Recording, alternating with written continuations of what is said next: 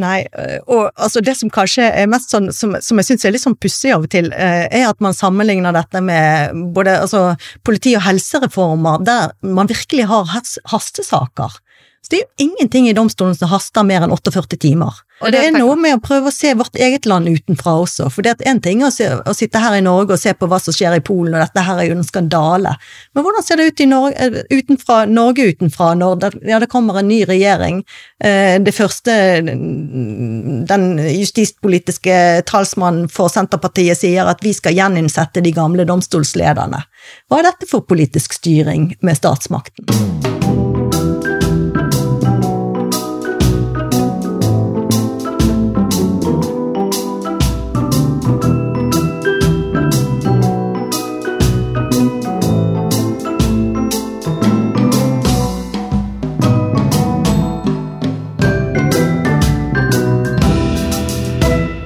Velkommen til Rett og slett, en podkast om det som er rett og det som er slett i vår rettsstat. Denne podkasten er sponset av Karnov juridisk forlag. Mitt navn er Katrine Holter, og jeg er strafferettsforsker på Politihøgskolen. Dagens tema er domstolsreformen og regjeringens ønske om reversering. Dette er et tema som har fått en del oppmerksomhet i mediene, men det kan nok være litt utilgjengelig hvis man ikke har veldig god kjennskap til hvordan domstolene er bygget opp og ledet. Målet i dag er å bryte dette litt ned, og å diskutere prinsipielle sider ved domstolsreformen og eventuell reversering. Første gjest i dag er en tidligere kollega fra Universitetet i Bergen, jusprofessor Ragna Aarli. Hun forsker på domstoler og rettsstat, og har engasjert seg i debatten om domstolsreformen, og særlig reverseringen av denne. Hun er for tiden også forskningsdekan på Juridisk fakultet i Bergen. Velkommen, Ragna. Tusen takk.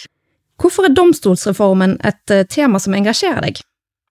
Ja, egentlig er det jo domstolene som engasjerer meg, for det er domstolene som er møteplassen for uh, folk uh, og, Altså, det, det er der jussen møter folk flest i all offentlighet. Og det er et utrolig spennende fokus, syns jeg.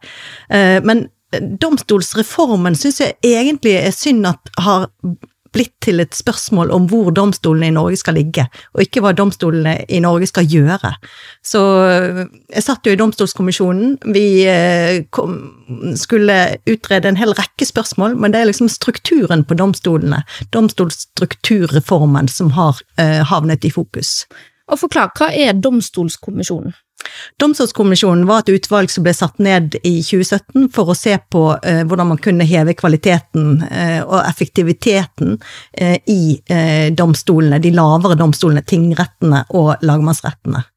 Så, vi, så når vi hadde jobbet i et års tid, så fikk vi beskjed om at regjeringen ønsket at vi leverte en delrapport der vi først tok for oss strukturspørsmålet, dvs. Si hvor domstolene skulle ligge. Det ble en veldig stor politisk debatt, som føler at hele diskusjonen om Domstolskommisjonen henger fortsatt fast i den debatten om hvor domstolene våre skal være. Ja, nettopp, fordi at det her er jo et tema som passer ganske godt inn i det man kanskje kan kalle sentraliseringsmalen som til Senterpartiet, og der det blir et spørsmål om sammenslåinger eh, ute i distriktene og sentraliseringer. Eh, så du mener altså at domstolsreformen egentlig har havnet litt sånn inn i et litt eh, uheldig spor, da? Den har kommet på et sånt politisk sidespor som egentlig ikke er så interessant for oss jurister. Men det har jo stor betydning for arbeidsplassene til dommerne, selvfølgelig, og for folk flest hvor de skal henvende seg. Men det som var det opprinnelige forslaget til Domstolskommisjonen, var jo en, en mye sterkere sentralisering enn det som ble gjennomført av regjeringen i 2021. Altså da, da fikk vi eh, egentlig en, en, strukturreform som handlet mer om å slutte å se på domstolen som et hus, men man skulle se på ting, eller tingretten, som da er første instans i domstolene. At tingretten eh, kunne være flere domstolshus flere, doms, flere steder i landet. Så det er da vi begynte å snakke om rettskretser. Uh, og det hadde vi sett på i domstolskommisjonen også, men vi var, uh, vi var nok litt politisk ukloke, har jeg tenkt i ettertid, med at vi ikke så det grepet med det samme, at det ville være en mye enklere løsning. Men vi var, uh, vi var nok litt sånn preget av at vi ønsket en, en sterk effektivisering, og vi hadde sett over lang tid at domstolene har vært sultefòret økonomisk, sånn at det å skulle tro at vi kunne klare å få utruste så mange eh, rettssaler på så mange steder på et teknisk nivå som vi ønsket å få til, eh, det så ikke vi på som mulig i første omgang. Men Nettopp. Og hva er det med, med domstolsorganiseringen i Norge som folk bør bry seg om, da? eh, det som folk eh, bør eh, bry seg om, det er jo at domstolene er vår tredje statsmakt. eh, Som, eh, det er der du skal gå hvis du skal få håndhevet rettskravene dine. Det er der du får behandlet straffesaker.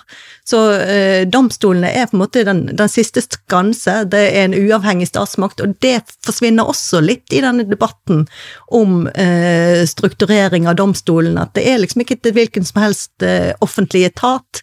Det er en en statsmakt som skal kontrollere de andre eh, statsmaktene. Nettopp. Og, og hvordan eh, domstolene skiller seg fra andre offentlige organer skal vi komme litt tilbake til. Først vil jeg introdusere dagens andre gjest.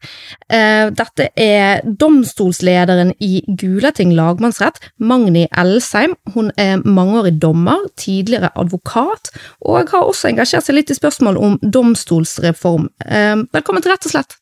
Tusen takk. Hvilken betydning har eh, domstolsreformen hatt for eh, dere som sitter i Gulating? Har det, har det endret noe i hverdagen deres? Nei, altså for Gulating lagmannsrett, som er en ankedomstol, altså annen instans, eh, så har ikke domstolsreformen hatt så stor betydning, iallfall ikke foreløpig, for den domstolsstrukturen som er foreslått nå, eller som er gjennomført, den gjelder jo i all hovedsak tingrettene. Altså førsteinstans. Det, det er gjort noen små justeringer i grensene mellom Borgarting og Eidsiverting lagmannsrett, men eh, det viktigste er organiseringen av tingrettene. Men vi har selvfølgelig merka at det er blitt færre tingretter, færre sorenskrivere å forholde seg til. Før, eh, for eksempel så var det før reformen åtte tingretter i Gulating lagmannsrett sitt lagdømme. Eh, av ganske forskjellig størrelse, noen bitte små og noen veldig store, eh, mens nå er det fire. Det er Sogn og Fjordane, Hordaland, Haugaland og Sunnhordland og Sør-Rogaland tingrett. Og de er i alle fall litt likere i størrelse enn en de åtte som vi hadde da, var. Um, og det samme gjelder jordskifterettene, som også, vi også mottar anker fra. Hva er en jordskifterett? Det er en domstol som behandler, for å si det veldig enkelt, en særdomstol eh, som behandler saker som gjelder fast eiendom. Eh, ja, det er litt forenkla, men eh, Mm. La oss ta litt sånn eh, domstols-ABC her. Altså, nå har vi snakket om, om rettskretser, ikke sant? Så en, eh, og, og at man på en måte gikk litt bort ifra den ideen om at en tingrett er et fysisk bygg som ligger på et bestemt sted, og svarer til at eh, De har vel en slags jurisdiksjon knyttet til et fysisk område som tilsvarer en kommune ofte, ikke det sånn? Ja, det tilsvarer jo egentlig ikke en kommune, det er flere kommuner som til som, eh, Sånn har det vært i veldig lang tid. Altså, men det som man gjerne kan tenke på som et sånn bakgrunnsteppe, det var at man tidligere eh, opprettet Altså tidligere hadde man enmannsdomstoler. Mm. Altså Norge ble på en måte opprinnelig rigget med sorenskriverkontorer eh, der, eh, som hadde jurisdiksjon for et lite område, og hvis det var behov for eh, Hvis saksmengden ble for stor, så opprettet man et nytt sorenskriverkontor da, der det kom eh, en ny domstol. Så det var på en måte den opprinnelsen, den, den enkle fattigmannsdomstolen som man hadde en gang i tiden. Mm. Og en sorenskriver er da altså den lokale lederen av tingretten. I dag er det det. Opprinnelig så var det en svoren skriver eh, som skulle passe på at eh, domsavgjørelsene på lagtingene ble skrevet ned sånn på dansk, sånn at danskene kunne forstå dette her. Vi var jo sammen med Danmark den gangen den ordn- sorenskriverordningen ble etablert. Mm. Og da har vi altså eh, Tilbake til denne ABC, domstols-ABC-en, så har vi eh, tingrettene, som er førsteinstansen i Norge, Og hvis du har tapt en sak i tingretten, så kan du anke den til annen instans, og da er vi altså på lagmannsrettsnivå, der blant annet Gulating er, inngår. Og så, hvis du taper en sak i annen instans, så kan du anke da til Høyesterett. Her er det selvfølgelig eh, ganske store begrensninger i ankeadgangen i praksis, men det her er noe sånn systemet er, det er bygget opp som en pyramide. Uh, og når man snakket om uh, Magne, du nevnte lagdømme, ikke sant? Det, det blir også en slags rettskrets, men for, dom, for lagmannsrettene? Ja, det er lagmannsretten sin rettskrets. Og det er da Gulating, for eksempel, har en, et lagdømme som er delt i to lagsogn. Og det er da det ene lagsognet det er Vestland fylke, og det andre lagsognet er Rogaland fylke. For å si det litt sånn enkelt, da.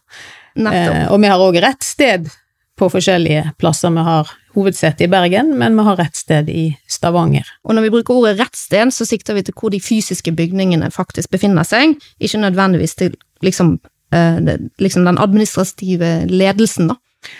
Ja, det, altså, det vil være der som saken på en måte går, da, rent fysisk. Mm. Og, og, der vil det jo da sitte dommere, i, i tingrettene i hvert fall da, så vil det være noe bemanna med både for så vidt administrative ressurser og dommerressurser. I lagmannsretten er det litt annerledes, men mm. um, også, men, også før denne domstolsreformen, da, hvor mange, hvor mange rettskretser, hvor mange tingretter hadde man i Norge?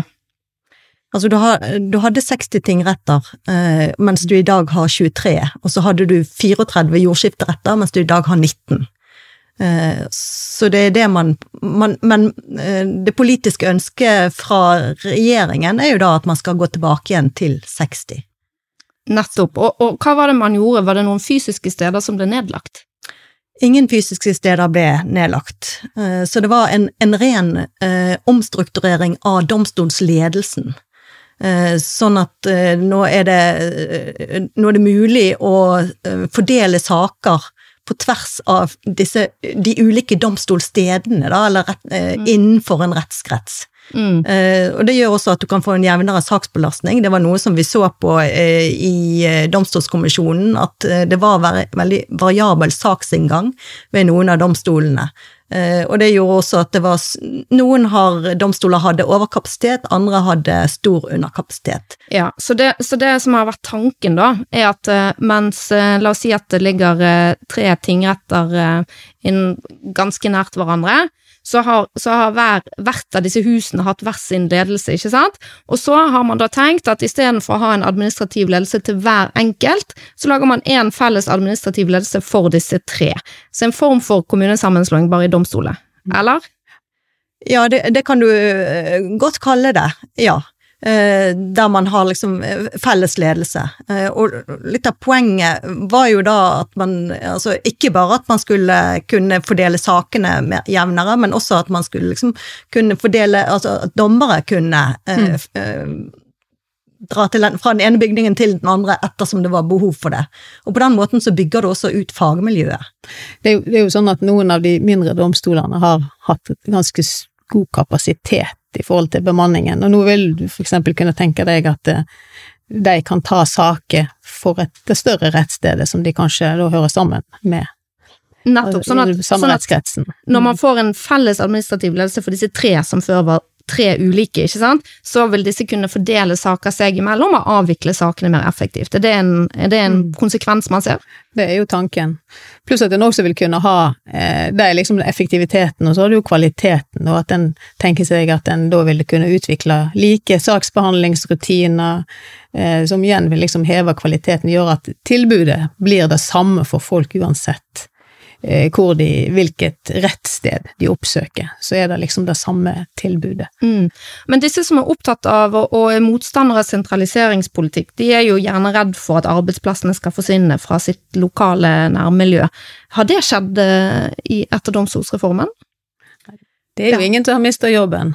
Alle som eh, hadde jobb i de, for de forskjellige rettsstedene, sitter jo der fortsatt og jobber. Ja. Ingen har mistet jobben, og ingen har mistet tinghuset sitt heller. Så alle, alle rettsstedene er som før, men du kan si at noen eh, Det er noen lederroller som ikke er der lenger. Eh, Ja, så, er man har egentlig redusert antall ledere. du har redusert antall ledere, og det burde jo egentlig være noe som uh, man uh, uh, var positiv til, sånn sett fra et sånn styringsperspektiv. Ja, for du Ragnar, du skriver jo da i VG den ni- 9. i 11. 2021. Svekket rettssikkerhet er en høy pris å betale for å bevare lokale sorenskrivere. Og da husker vi altså at en sorenskriver er en lokal leder for en tingrett. Vil du utdype hva du mente med dette? Ja, altså Poenget mitt der var liksom at når du har en lokal sorenskriver, en lokal domstolsleder, så lukket man på en måte eh, det eh, dommeruniverset og saksuniverset til det ene stedet. Og du, da har du ingen eh, Du har et lite fagmiljø. Eh, det var jo da eh, 15 eh, enedommerembeter som ble borte med reformen, altså et enedommerembete som da er en domstol som bare har én fast eh, dommerstilling.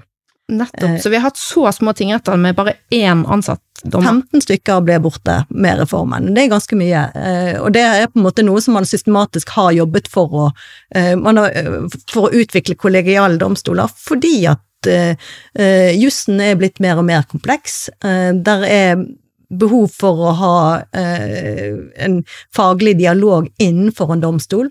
Og så er det også eh, Altså, dommere er jo også arbeidstakere som har krav på kompetanseutvikling, og der er på en måte en del sånt krav i arbeidsmiljøloven som man kanskje ikke tenker så nøye over at faktisk også gjelder for dommere, men det gjør jo det. Og da har du, da har du på en måte eh, behov for å ha et, et litt større fagmiljø å støtte deg på. Nettopp. Men eh, Magni, hvordan, eh, hvordan vil denne domstolsreformen sikre et større fagmiljø, for det blir vel ikke flere ansatte på de ulike stedene? Nei, men jeg tenker jo at eh, det, vil jo da, det vil jo da være én leder, én administrasjon, som på en måte kan gi et likt tilbud og sørge for altså fordi det med kompetanse, det dreier seg jo selvfølgelig om litt sånn sentral og lokal og individuell kompetanseutvikling, men det dreier seg jo òg om å utvikle på en måte felles retningslinjer, felles maler for hvordan en gjør ting, som gjør at kvaliteten eh, går opp. Og det vil jo være mye lettere å få til med en ledelse. Før så satt en jo da eh, rundt i, på langt flere enheter og utvikla hver sine ting. Det har erfaringen vist. Jeg satt en periode i styret i Domstoladministrasjonen, og da så vi da veldig godt at eh, ting sprikte. Altså når en skulle begynne, en påbegynte flere arbeid der en skulle utvikle like retningslinjer, og da begynte en gjerne med å samle inn det som fantes, og da, da var det veldig stort sprik i. Og det er jo ikke en god ting når en tenker på rettssikkerhet. Ting bør jo være mest mulig likt, altså folk har krav på samme behandling uansett om de kommer til en stor eller til en liten domstol, og da vil det være mye lettere å få til. Noe jeg tenker det er en veldig viktig del av det med kompetansearbeid i en domstol. Mm. I de forrige to episodene av eh, Rett og slett så var temaet Polen og presset mot europeiske rettsstater. Og da snakket vi litt om hva det er som ligger i rettsstaten og kravene til rettsstaten, og vi var innom ulike prinsipper som er altså rettsstatsprinsipper, blant annet domstolenes uavhengighet og eh, prinsippet om likhet for loven. Eh, og, og ikke minst rettssikkerhet, ikke sant? Men er dette eh, hvordan, hvis vi skal forstå denne domstolsreformen i lys av disse overordnede rettsstatsprinsippene, hva er viktig da? Ragnar, du kan begynne. Altså, det, det var jo på en måte en helt sånn grunnleggende tanke for Domstolskommisjonen at, vi, at vi, vi skulle se på de helt overordnede prinsippene og, og prøve å sikre eh, likebehandling i domstolene, eh, høy kvalitet, eh, og altså, det, det var jo en grunn til at vi også foreslo en del endringer i Grunnloven for å komme, sikre en del eh, grunnleggende prinsipper for domstolene i Grunnloven. Det er på en måte ting som har blitt helt borte i denne politiske diskusjonen om lokalisering. Men eh, en ting som vi også altså vi gjorde et ganske sånn stort eh, empirisk undersøkelsesarbeid bare for å se eh, er det sånn at vi får lik behandling i domstolene i dag. Og det var faktisk litt overraskende og litt skremmende, syns nok jeg, at vi i, i saker der eh, det ble eh, idømt eh, ubetinget fengselsstraff, eh, så var det et eh, ganske stor sprik eh, i samme type sakstype, eh, der mellom eh, Du fant enkelte dommer eh, som i 15% av sakene, når de hadde et minimum Alle dommerne som ble undersøkt i denne undersøkelsen, hadde minimum 50 saker bak seg. Eh, sånn at du hadde liksom et, et visst volum av sakene. Eh, og så eh, var det et sprik på 50, fem, fra 15 til 75 prosent eh, av antall tilfeller der du eh, idømmer fengselsstraff. Og det tyder jo på at normen for når man bruker en straffereaksjon, eh, ikke er helt lik i hele landet. Og da tenker jeg liksom at det å ha en faglig utveksling og større fagmiljø der man eh, får et slags sånn korrektiv på hvor er det egentlig nivået ligger her i dag, eh, det er ikke sikkert Det, det er jo en del eh, spørsmål, typisk straffutmåling, som, som er veldig praksisbasert. Og da lener du deg gjerne på den nærmeste praksisen, og den praksisen som er avsatt i samme domstol.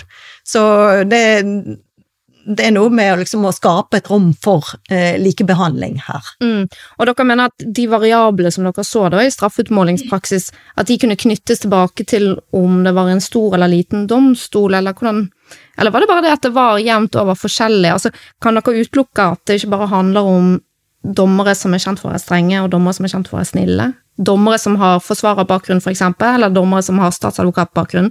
Ikke at den ene er eh, nødvendigvis er strengere enn den andre, men det som, altså, det er ikke noen sånn klar knytting til at, at, at i, i, den dom Altså, vi, vi prøvde å ikke altfor si, Dette handler jo litt om, om uh, si, hvilket bilde man som kommisjon skal gå inn for å etablere av de norske domstolene også. Og vi, vi gikk ikke ut og åpenbarte hvilke domstoler, hvilke funn som var knyttet til hvilke domstoler. Vi så mer på dommere totalt. Så vi så på totalbildet av eh, dommerpraksis. Og der er det store variasjoner. Så gjorde vi andre undersøkelser som, som gikk på eh, saksbehandlingstid, eh, der det var helt klart at de små domstolene kom veldig mye dårligere ut enn de som hadde et visst volum av saker der eh, dommerne blir mer effektive rett og slett av at du, du, du får mye saker å jobbe med. Det går jo litt på spesialisering, dette. sant? Muligheten for spesialisering blir jo liten i små domstoler. Der må du liksom ta alt som kommer. Hvis en har litt mer størrelse, så er det mulig å, mulig å sette av ressurser. Noen dommere som blir gode på enkeltting. Typisk rettsmekling har jo vært et eksempel som mange har trukket fram, og som har, der tilbudet har vært ekstremt forskjellig rundt omkring i domstolene. Mm. Og rettsmekling er sånn typisk det, Vi driver jo mye med rettsmekling i Gulating, og da ser vi at det er en sånn ting som en trenger å spesialisere seg på hvis en skal bli god. Og det ligger ikke for alle. Og det betyr at uh, i en liten domstol så har du kanskje ikke dommere som er interessert, eller som har forutsetningen for å bli spesielt flinke, ikke sant. Og da vil en da kunne få, få til med, med, større enhet. Og det er en viktig del. Rettsmekling altså i sivile saker er en viktig del av det tilbudet som domstolene etter tvisteloven skal gi. Så det er egentlig et sånn godt eksempel på uh, et område der det har vært veldig ulikt. Mm, akkurat. Um vi har vært litt innom eh, hvordan denne prosessen mot uh, domstolsreform startet, uh, og vi har også vært innom hva som opprinnelig ble foreslått. Men hvordan ble disse forslagene mottatt i domstolene? Magne, vil du kanskje si noe om det? Ja, altså det var jo Det varierte jo, jo litt. Det må en jo si. Det var eh, både i for, altså på, Som ellers i samfunnet, så var det også innenfor domstolene ganske forskjellig. Men eh, hvis en ser i den proposisjonen som regjeringen nå til syvende og sist kom med, som jo på en måte oppsummerer alle høringsuttalelsene, så var vel det eh, overordnede inntrykket at eh, flertallet av aktørene i domstolene, altså både de ansatte i domstolene og eh, dom, dommerne og politidistrikt og statsadvokatembetet, altså alle som på en måte liksom er i sånn nær, nærkontakt med domstolene, da, de var for at det var behov for en strukturendring. Advokatforeningen, da? Også Advokatforeningen var vel Der var det vel litt mer sprik, og, det, og kommuner og regionområder, advokater i distriktet særlig, var vel kanskje mer eh, imot. Det er vel oppsummeringen i den. Men du vet, dette her, det er det koker vel ned til litt sånn individuelle synspunkt til syvende og sist, men oppsummeringen der var det i alle fall at det, det gikk et lite sånn skille mellom de mer sånn lokalmiljøene og de store fagmiljøene, da, hvis du kan kalle det for det. Mm. Så Høyesterett og Dommerforeningen og ja. Men politisk sett, da, så, så ble det jo da ikke aktuelt uh, å gjennomføre en full, full sammenslåing av enkelte domstoler, eller en full Altså det, fulle forslaget som opprinnelig lå på bordet. Det opprinnelige forslaget om å, Ja. om å gå ned til eh, 30 rettssteder totalt, det var jo vårt opprinnelige forslag med, med 22 tingretter, og så noen av de hadde vi liksom sånn eh, flere rettssteder på. Eh, det, det var der ikke politisk flertall for i det hele tatt, men det ble selv det forslaget som da eh, fikk flertall til slutt, eh, holdt jo på å kullseile fullstendig, og da var vi halvveis i arbeidet med Domstolskommisjonen, og veldig mye av det strukturarbeidet som vi på en måte hadde blitt tvunget til å levere fra oss uh, før vi hadde sett på, på en måte, hvordan skal domstolene arbeide, uh, var på en måte premissene for de tankene vi hadde om hva, hvordan domstolene skulle eh, utvikle kvalitet, og hvordan man skulle klare å få bedre fagmiljø, hvordan man skulle åpne for moderat spesialisering. Så det var veldig mye altså, det, det var, Vi hadde noen eh, litt tunge perioder i kommisjonen når det så ut til at hele strukturprosjektet ikke var mulig å gjennomføre. Og selv, det var jo Fremskrittspartiet som gikk ut av regjering på det tidspunktet, og det var Fremskrittspartiet som hadde eh, si, vært med å nedsette kommisjonen, men de vendte seg da mot kommisjonen når de, når de kom eh, i opposisjon. Nettopp. Og, og, men sant, altså det er jo Det endte jo med et kompromiss, en kompromissløsning, der alle de fysiske stedene da, som vi har vært inne på, ble bevart. Eh, men hvordan skiller denne sammenslåingsdebatten seg fra Eller kanskje ikke debatten, men, men innholdet i dette? Hvordan skiller innholdet seg i denne tematikken fra andre sentraliseringsdebatter, f.eks. om kommunesammenslåing og nærpolitireform? For som vi har vært inne på, domstol er ikke bare et hvilket som helst offentlig organ. Nei, øh, og altså det som kanskje er mest sånn, som, som jeg syns er litt sånn pussig av og til, eh, er at man sammenligner dette med både altså, politi- og helsereformer, der man virkelig har hastesaker. Så det er jo ingenting i domstolen som haster mer enn 48 timer. Og 48 timer, det er ganske god tid, mens du liksom, når det handler om slagpasienter som trenger der minuttene teller, politiet som skal rykke ut uh, og redde liv, uh, så, så er liksom det, det at uh, en reisetid på maksimalt to timer, som vi la opp til i kommisjonen, for 95% av befolkningen, det, det er liksom ikke det som ville bekymret meg mest. Og så er det jo heller ikke det sånn at eh, domstolene er noe som folk flest eh, det, er ikke, det er ikke en del av folks dagligliv. Mens kommunens tjenester er en, alle igjennom opplever og eh, tar en del i kommunetjenestene. Skole, barnehage, sykehjem. Det er liksom en del av hverdagen. Mens det å gå i domstolen, det er liksom et fåtall som gjør. Siden ikke Altså, det var helt annerledes før, når domstolen var der, der du gikk for å gifte deg, du, der du eh, gikk for å tinglyse eiendom. Men alle disse forvaltningstjenestene de har jo blitt flyttet ut av domstolen. Som betyr at domstolen er ikke hjertet liksom i, sånn, eh, i virksomheten i kommunen. Mm. Det som jeg har tenkt litt på når det gjelder dette her, altså eh, Nå har jo vi en eh, situasjon der jeg opplever at politikerne er ikke så veldig til stede i justispolitikken, i hvert fall ikke så til stede som jeg skulle ønske at de var.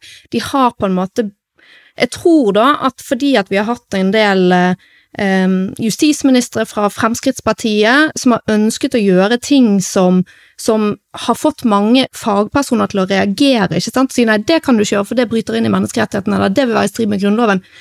Så langt kan man ikke gå. Så har politikerne kanskje etter en lang periode med eh, en del Frp-politikk i justisministerposten, da, så har eh, kanskje eh, det skapt et inntrykk blant politikerne at, at justisfeltet det er så låst, her er det ikke så mye vi får gjort likevel, eh, ikke sant?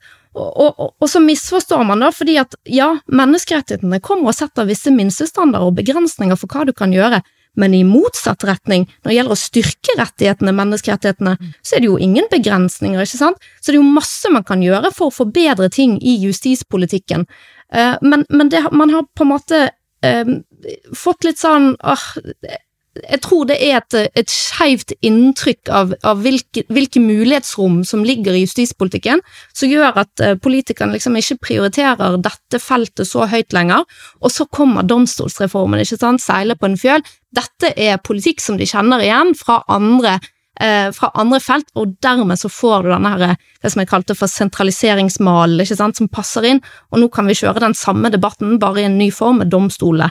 Men som du sier, domstoler er ikke som eh, politiet eller helse eller kommunesammenslåinger, det er noe annet, og det er jo også den tredje statsmakt. Mm. Det var jo justisminister nummer åtte da, som reddet oss. Ja. som gjorde at eh, det, Monica Mæland Og det omsider kom en eh, justisminister fra et annet politi, parti enn Fremskrittspartiet, når Høyre tok over selv, og oppnevnte hun som bare gikk rundt og kalte seg nummer åtte, så eh, ble det klarte hun å ro denne reformen i gang, eller i land. Men Magni, hva tenker du om eh, den nye justisministeren sin eh, proklamering om at domstolsreformen skal reverseres? Jeg tror det ikke er veldig lurt. Eh, det har skapt allerede ganske stor uro i domstolene. Det har jo pågått lenge nå, denne debatten, og den ble liksom landa, og dette ble gjennomført, og så plutselig så skal en gå tilbake. Og det vil jo òg kreve eh, svære ressurser å gjøre det, eh, som vil gå ut over annen eh, utvikling. Eh, altså, en må jo da, skal jo da tilsette igjen 38 eh. nye domstolsledere, altså, og det, og det, eh, det er svært teknisk arbeid bak. Altså, det, jo, det ble det ble jo jobba veldig intenst og brukt masse ressurser på å gjennomføre reformen. Og reverseringen er jo da, eh, vil jo da bli eh, mye dyrere. Altså det er DA har beregna den reverseringen til 75 millioner kroner. Eh, Og 35 Det er altså domstolsadministrasjonen. mm. ja. Og av de så vil 35 millioner være permanente årlige ekstrautgifter som en da vil pådra seg. Så eh, Permanente utgifter, det er ikke en engangssum. Nei, det dreier seg jo da om lønnsutgifter, ikke sant. Så Ja, fordi ja. ledere må Ja. betales mer. Mm. Så eh, jeg eh, tror at eh, Og da, det viser seg vel òg etter hvert at erfaringene er ganske gode. Mange som var imot, har Om ikke de har snudd, så er de i hvert fall motstandere av at en skal begynne med en reversering og bruke ressurser på det. Og vi trenger i domstolene nå å konsentrere oss om andre ting. Vi står foran store digitaliseringsutfordringer og masse andre utfordringer som vi trenger å bruke tiden på, og ikke liksom bruke nå kanskje et år på å reversere en reform som en har brukt et, ja, om ikke et fullt år, men i hvert fall ganske mange måneder på å innføre, da. Det tror jeg du har eh, veldig rett i. Altså, domstolene har store utfordringer. Rettssystemet vårt har store utfordringer. Det totale budsjettet for rettssystemet det har jeg hørt at er omtrent på størrelse med kulturbudsjettet. Ikke at ikke kultur er viktig, men eh, det, det her skal altså dekke hele justissystemet, da, hvis jeg har forstått det riktig. Eh, Og eh, Trodde det var på linje med Maskorama-budsjettet. Nettopp. Nei, og, og jeg tenker at med de utfordringene som domstolene står i, og, og med, med det begrensede statsbudsjettet som er til hele justissektoren, sant? disse pengene må jo tas fra et sted. Vi har altså en situasjon der, og jeg gjentar det igjen og igjen og i alle anledninger der jeg kan, altså vi har en situasjon der folk flest ikke har råd til å gå til, til domstoler for håndhevet sin rett. Det er et kjempeproblem for prinsippet om likhet for loven, eh, og, og domstoler har eh, dessverre blitt et tvisteløsningsorgan for de rikeste, eh, og, i hvert fall i en del saker der det ikke er fri rettshjelpsdekning. Nå var det jo et spørsmål om og få økt bevilgningene sant, til fri rettshjelp, og vi har en situasjon der forsvarerne streiker i Høyesterett fordi at de ikke har en bærekraft, bærekraftig offentlig salærsats. Vi har en stykkprisforskrift som begrenser eh, betalingen til forsvarere til det helt uforsvarlige, etter mitt syn. Eh, og, så er det dette her man altså da skal bruke penger på å prioritere. Det som jeg syns er litt rart også, er at man har fått for seg et sånt bilde at eh, de domstolene, de 60 domstolene man hadde, det var et perfekt domstolssystem. Uh, og det, altså, det viser jo for eksempel Nav-saken at det ikke var. Eh, altså, domstolene var heller ikke i stand til å oppdage de feilene som ble gjort i Nav-saken. Der sviktet hele rettssystemet. På universitetet så jobber vi med å styrke EØS-undervisningen, sånn at vi skal bli bedre til å se når EØS-retten trenger inn i norsk rett og gjør at vi må på en måte eh, tolke reglene våre i samsvar eh, med eh, europeisk rett. Eh, men det er eh, Altså, hvis man skal bygge den kompetansen på 60 domstoler, så er det en mye større jobb enn å, hvis man kan prøve å samle fagmiljøene litt. Mm. Um, og så er jo det måten man har eh, bestemt seg for å gjøre dette her på, da. Altså i regjeringserklæringen så står det da at uh, sammenslåtte domstoler skal få bestå der domstolsleier, kommunene i rettskretsen og de ansatte gjennom sine tillitsvalgte er samde om å opprettholde dagens struktur. Hvordan skal dette her fungere, Ragna? Ja, dette her syns jeg var eh, en forunderlig uttalelse, og det ser jo ut som en hvilken som helst tillitsvalgt i domstolen skal kunne legge ned veto eh, om, mot at dagens struktur blir opprettholdt. Uh, og det, altså Her snakker vi om den tredje statsmakt i Grunnloven. Det, det, er ingen andre tillitsvalgte som får lov til å bestemme hvordan Stortinget eller hvordan eh, regjeringen uh, skal uh, se ut. det har ingenting med det kommunale selvstyret å gjøre. Så, og det er jo ikke slik at hver kommune har sin egen domstol. Så, så det, det, er en helt underlig konstruksjon. Mm. Og hvor lenge bør egentlig reformen da få virke før man eventuelt går bort ifra den, eh, Magni? Jeg tenker år i hvert fall, og ikke måneder, sånn som vi snakker om nå.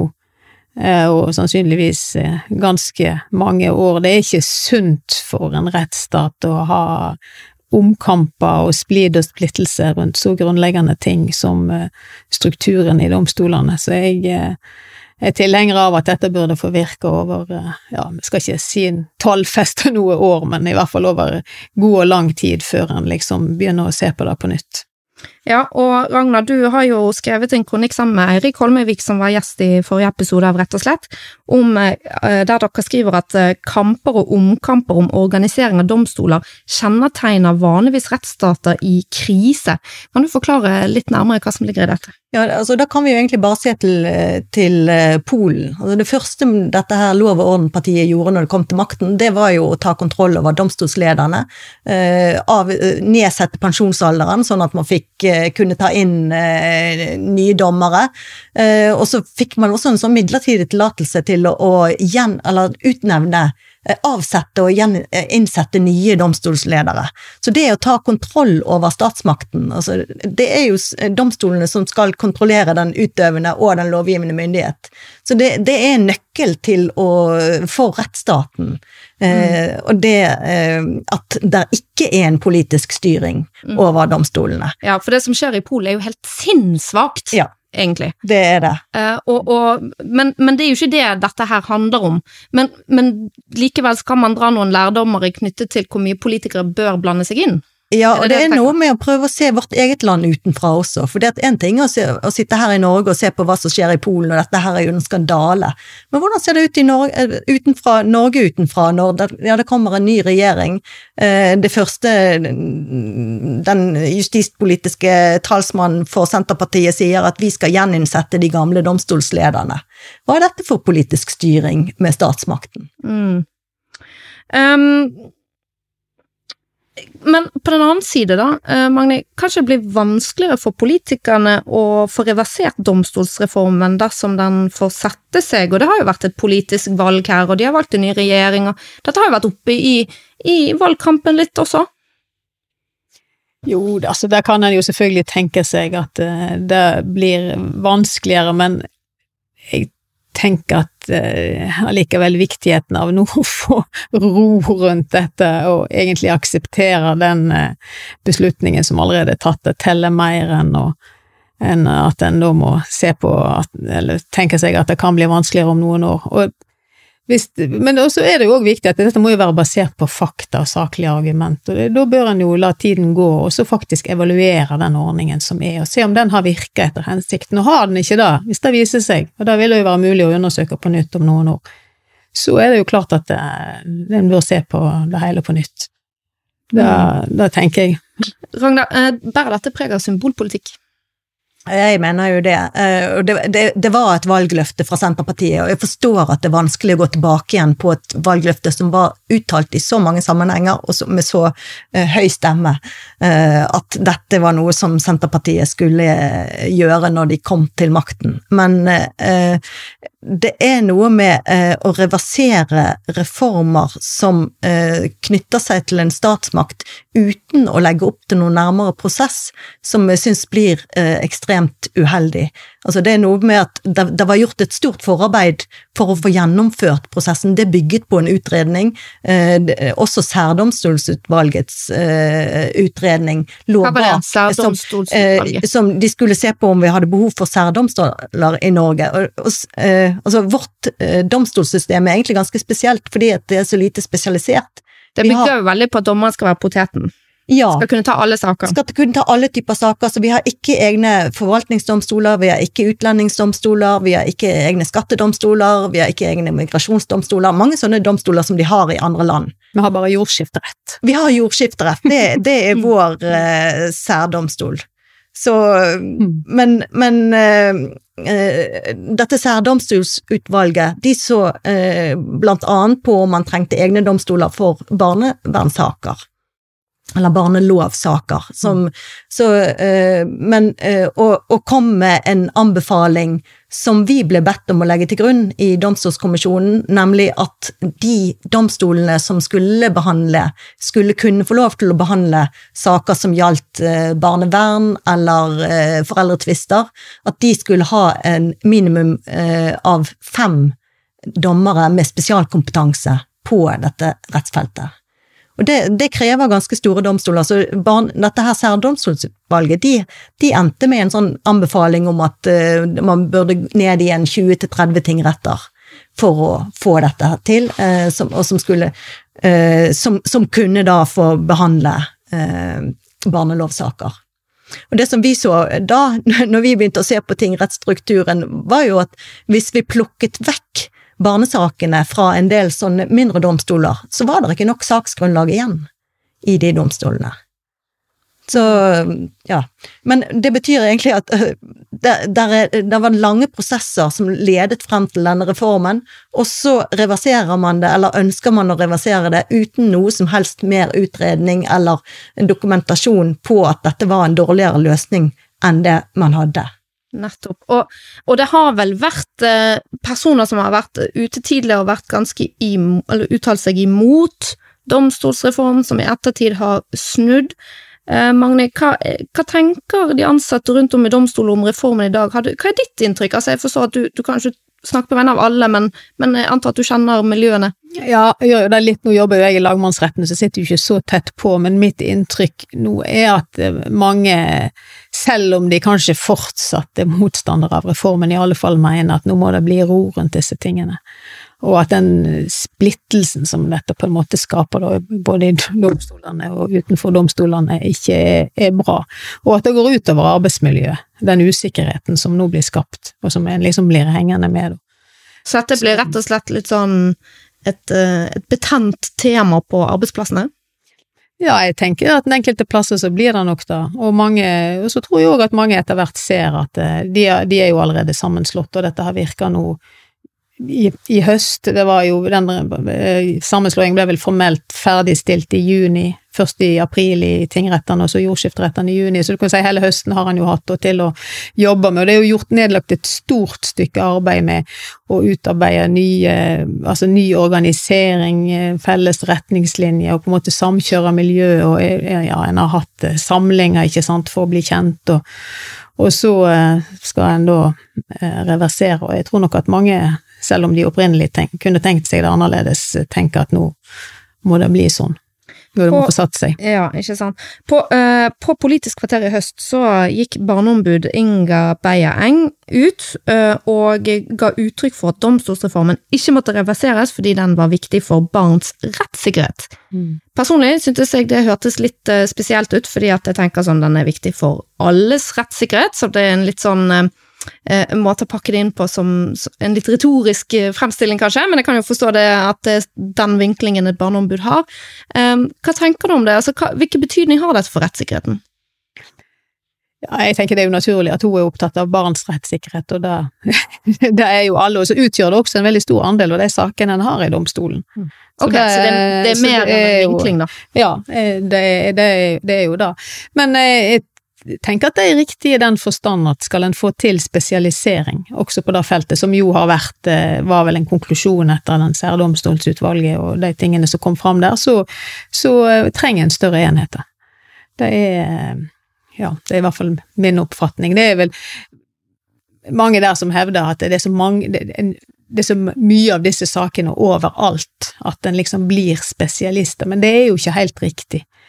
Jeg tror det krever en kompetanseoppbygging og et system, et, liksom, en felles saksbehandling. Altså kvalitet vokser veldig mye fram gjennom å behandle ting likt og riktig, og opp, og få til den beste praksis overalt. Og disse sakene skriker på en måte etter det. De har vært behandla utrolig forskjellig.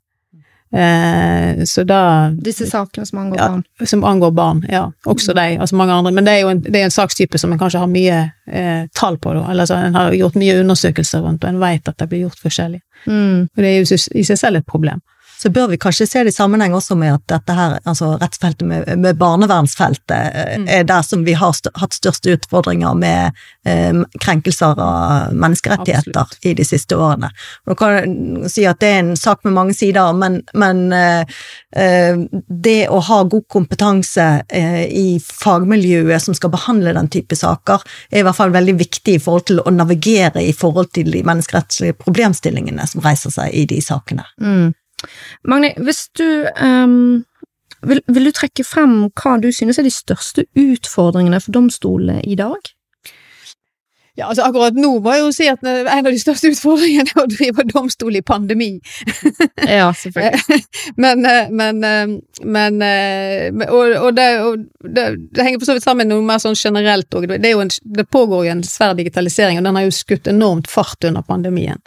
Eh, og den har det vært krevende å holde tritt med, og det gjenstår eh, på en måte mye arbeid der, da. Og, eh, og nå når pandemien forhåpentligvis tar slutt, og, og utvikler videre alle de eh, nye verktøyene som en har fått inn i, i domstolen. Em, bruk av fjernmøte og digitale signaturer og løsninger for advokater og meddommere. Og det, det har, jo blitt, eh, har jo blitt påført en del sånne kriseløsninger som en nå trenger å forbedre hvis de skal leve videre. Og det er jo liksom den, så det med digitalisering er en stor utfordring å få fart i, rett og slett. Vi ligger fortsatt langt bak, selv om vi nå har fått en skikkelig kick eh, i, under pandemien. Den, andre store utfordringen er selvfølgelig da med effektivisering. Altså det, det kom jo en rapport fra Riksrevisjonen som viste at domstolen ikke innfrir Stortingets krav til saksbehandlingstid, og heller, og heller ikke en del lovbestemte frister, og det er jo ille. Og vi fikk jo hard kritikk og med fart fra Riksrevisjonen. Og der, eh, der er det en utfordring eh, å, å rydde opp i, og det er jo de tingene jeg mener at en burde bruke energien på nå framover, heller enn å reversere domstolsreformen. For dette krever faktisk en ganske stor innsats, i et, et utviklingsarbeid, på en måte, å, få has på. Um, så da Ja, det er kanskje de to tingene jeg vil Mm. fremheve. Nettopp, takk. Eh, og Ragnar, det var en ting som vi skulle vært innom, som glapp for meg i sted, men, men det er dette her med For du har jo også skrevet en kronikk om det problematiske ved at kommunene får medbestemmelse nå på spørsmål om reversering. Kan du forklare det poenget litt nærmere, akkurat det som går på det kommunale demokratiet, på en måte? Ja, altså eh, Det som er litt sånn annerledes med domstolsreformen i forhold til en del av disse andre reformene, er jo at det, det handler om organiseringen av eh, en statsmakt som har sitt aller viktigste varemerke at den skal være avheng, uavhengig av politisk eh, makt. Eh, og det, da, da mener jeg at det krever større varsomhet eh, fra politikerne. Eh, og det å blande kommunen inn og gi kommunepolitikere myndighet til å bestemme eh, det altså her, Veldig mange av de sakene som går fra domstolen, det har en, en eh, statlig eller kommunal part i saken. Mm. Det betyr at domstolene må kunne liksom opptre uavhengig av kommuneledelse eh, og av statens eh, statlige led- ledere.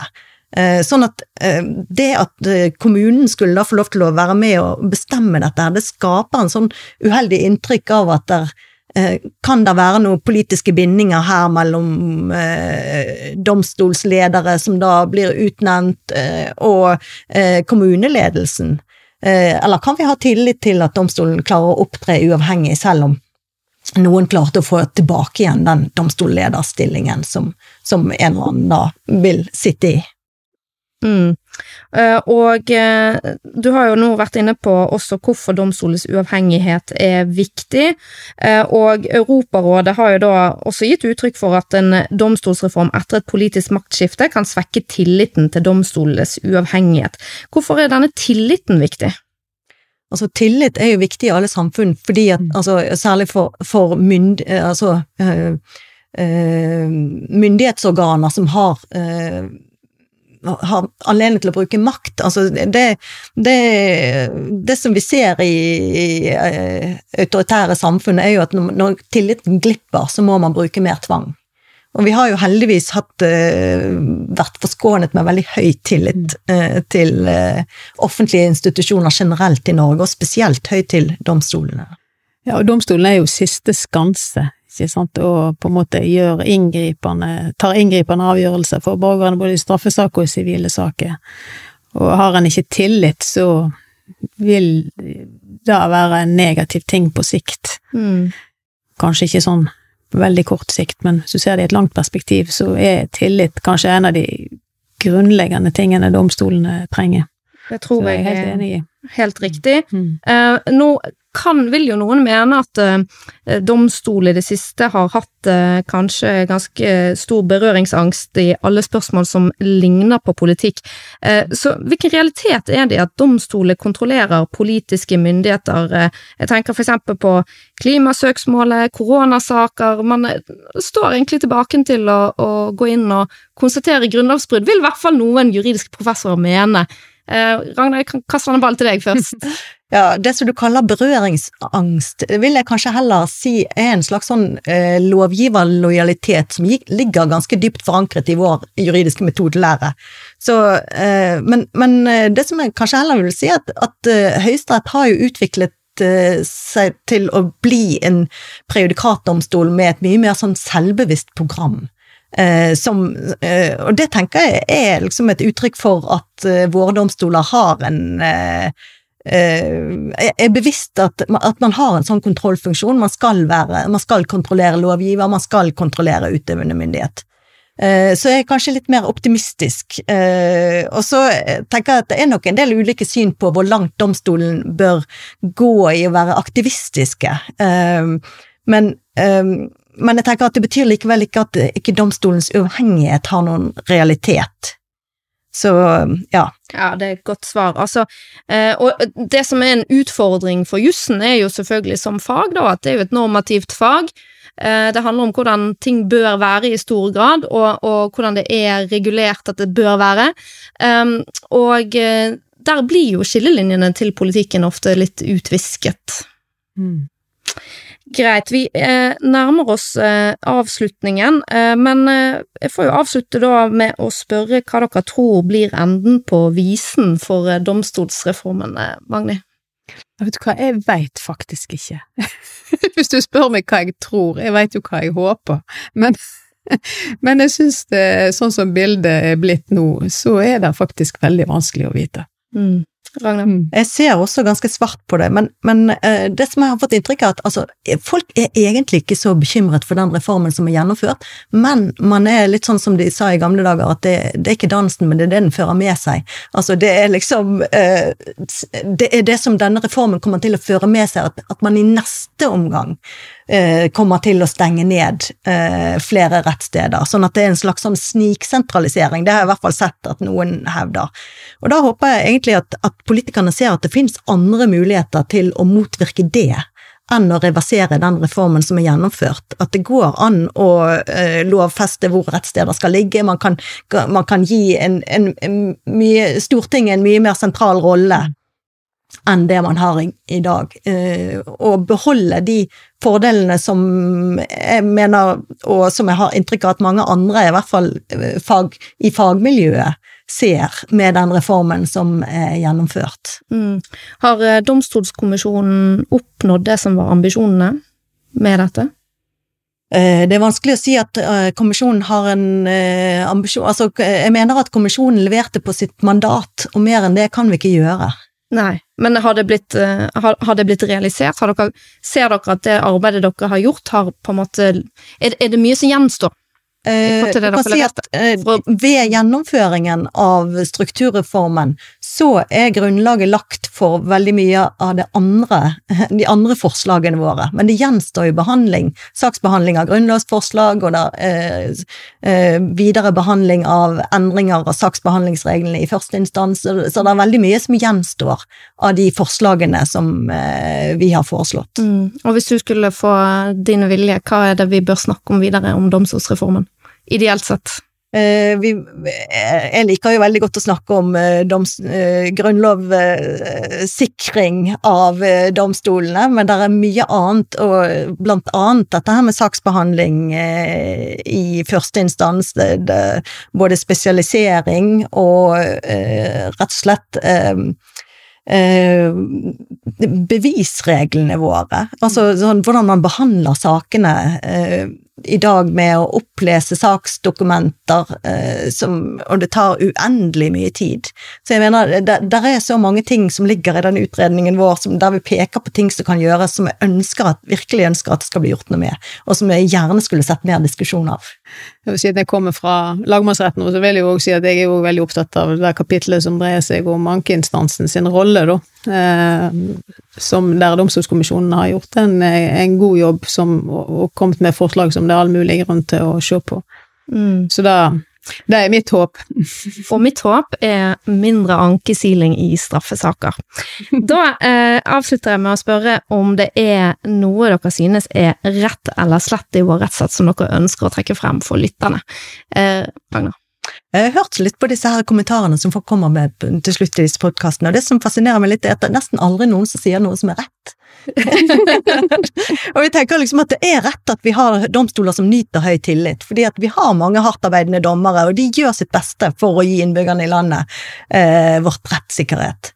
Men så syns jeg også at eh, altså, der er jo en del ting som er slett, kanskje, men jeg skal bare trekke frem en liten detalj som går på at Stortinget har gitt domstolene så lite økonomisk handlingsrom at det ikke har vært mulig å oppgradere det tekniske utstyret til at vi kan gjøre lyd- og bildeopptak av eh, forhandlinger og vitneavhør. Uh, og det syns jeg uh, Altså, det at vi ikke kan få en autentisk protokoll for hva som egentlig har kommet frem i første instans, det syns jeg rett og slett er slett. Det er lett å slutte seg til. Magni? Ja, altså, jeg vil begynne med å si at rett, da er, er, det at vi har, domstolene har veldig høy tillit. Og da har jeg lyst til å trekke fram en ting som jeg tror er litt av årsaken til det, og det er meddommerordningen vår. Eh, I Norge så har vi altså 44 000 meddommere eh, som, dom, som, står på listene og kan bli trukket og være med i, i straffesaker hvert år. Eh, og det gjør at vi har masse vanlige folk som får innsyn i hva vi driver med i domstolen, det er et demokratisk element i det. Eh, og det tror jeg er med å skape den tilliten. Så den meddommerordningen, det er noe som jeg mener er veldig riktig i vårt eh, system. Hvis jeg skal se på, Og så tenker jeg at vi er også ganske effektive i domstolene, tross alt, selv om vi får kritikk fra Riksrevisjonen. Eh, det som er slett, da tenker jeg for meg er at det er for dyrt å gå til domstolene. Mm. Eh, for folk flest, og det er et stort problem. Eh, nå er det jo gjort litt med at en har heva disse her satsene for innslagspunktet for når en får fri rettshjelp, men eh, det er fortsatt eh, slik at domstolene ikke er for folk flest, og det er et stort, stort problem som en ja. bør se på. I verste fall kan det koste en liten årslønn å ta en sak til retten og tape. Mm. Uh, og det sier seg sjøl at det, da skal man ha ganske god inntekt for å håndtere det. Uh, og ellers så vil jeg bare kommentere på at som tidligere forsvarer, så er jeg selvfølgelig veldig glad i meddommerne. Men da har vi kommet til veis ende i dag om domstolsreform og den bebudede reverseringen av denne. Tusen takk for at dere har vært med meg her i studio i dag, og tusen takk til dere som lytter til oss. Um, vi er tilbake igjen i neste uke med noe som er rett eller slett i vår rettsstat. Takk for i dag.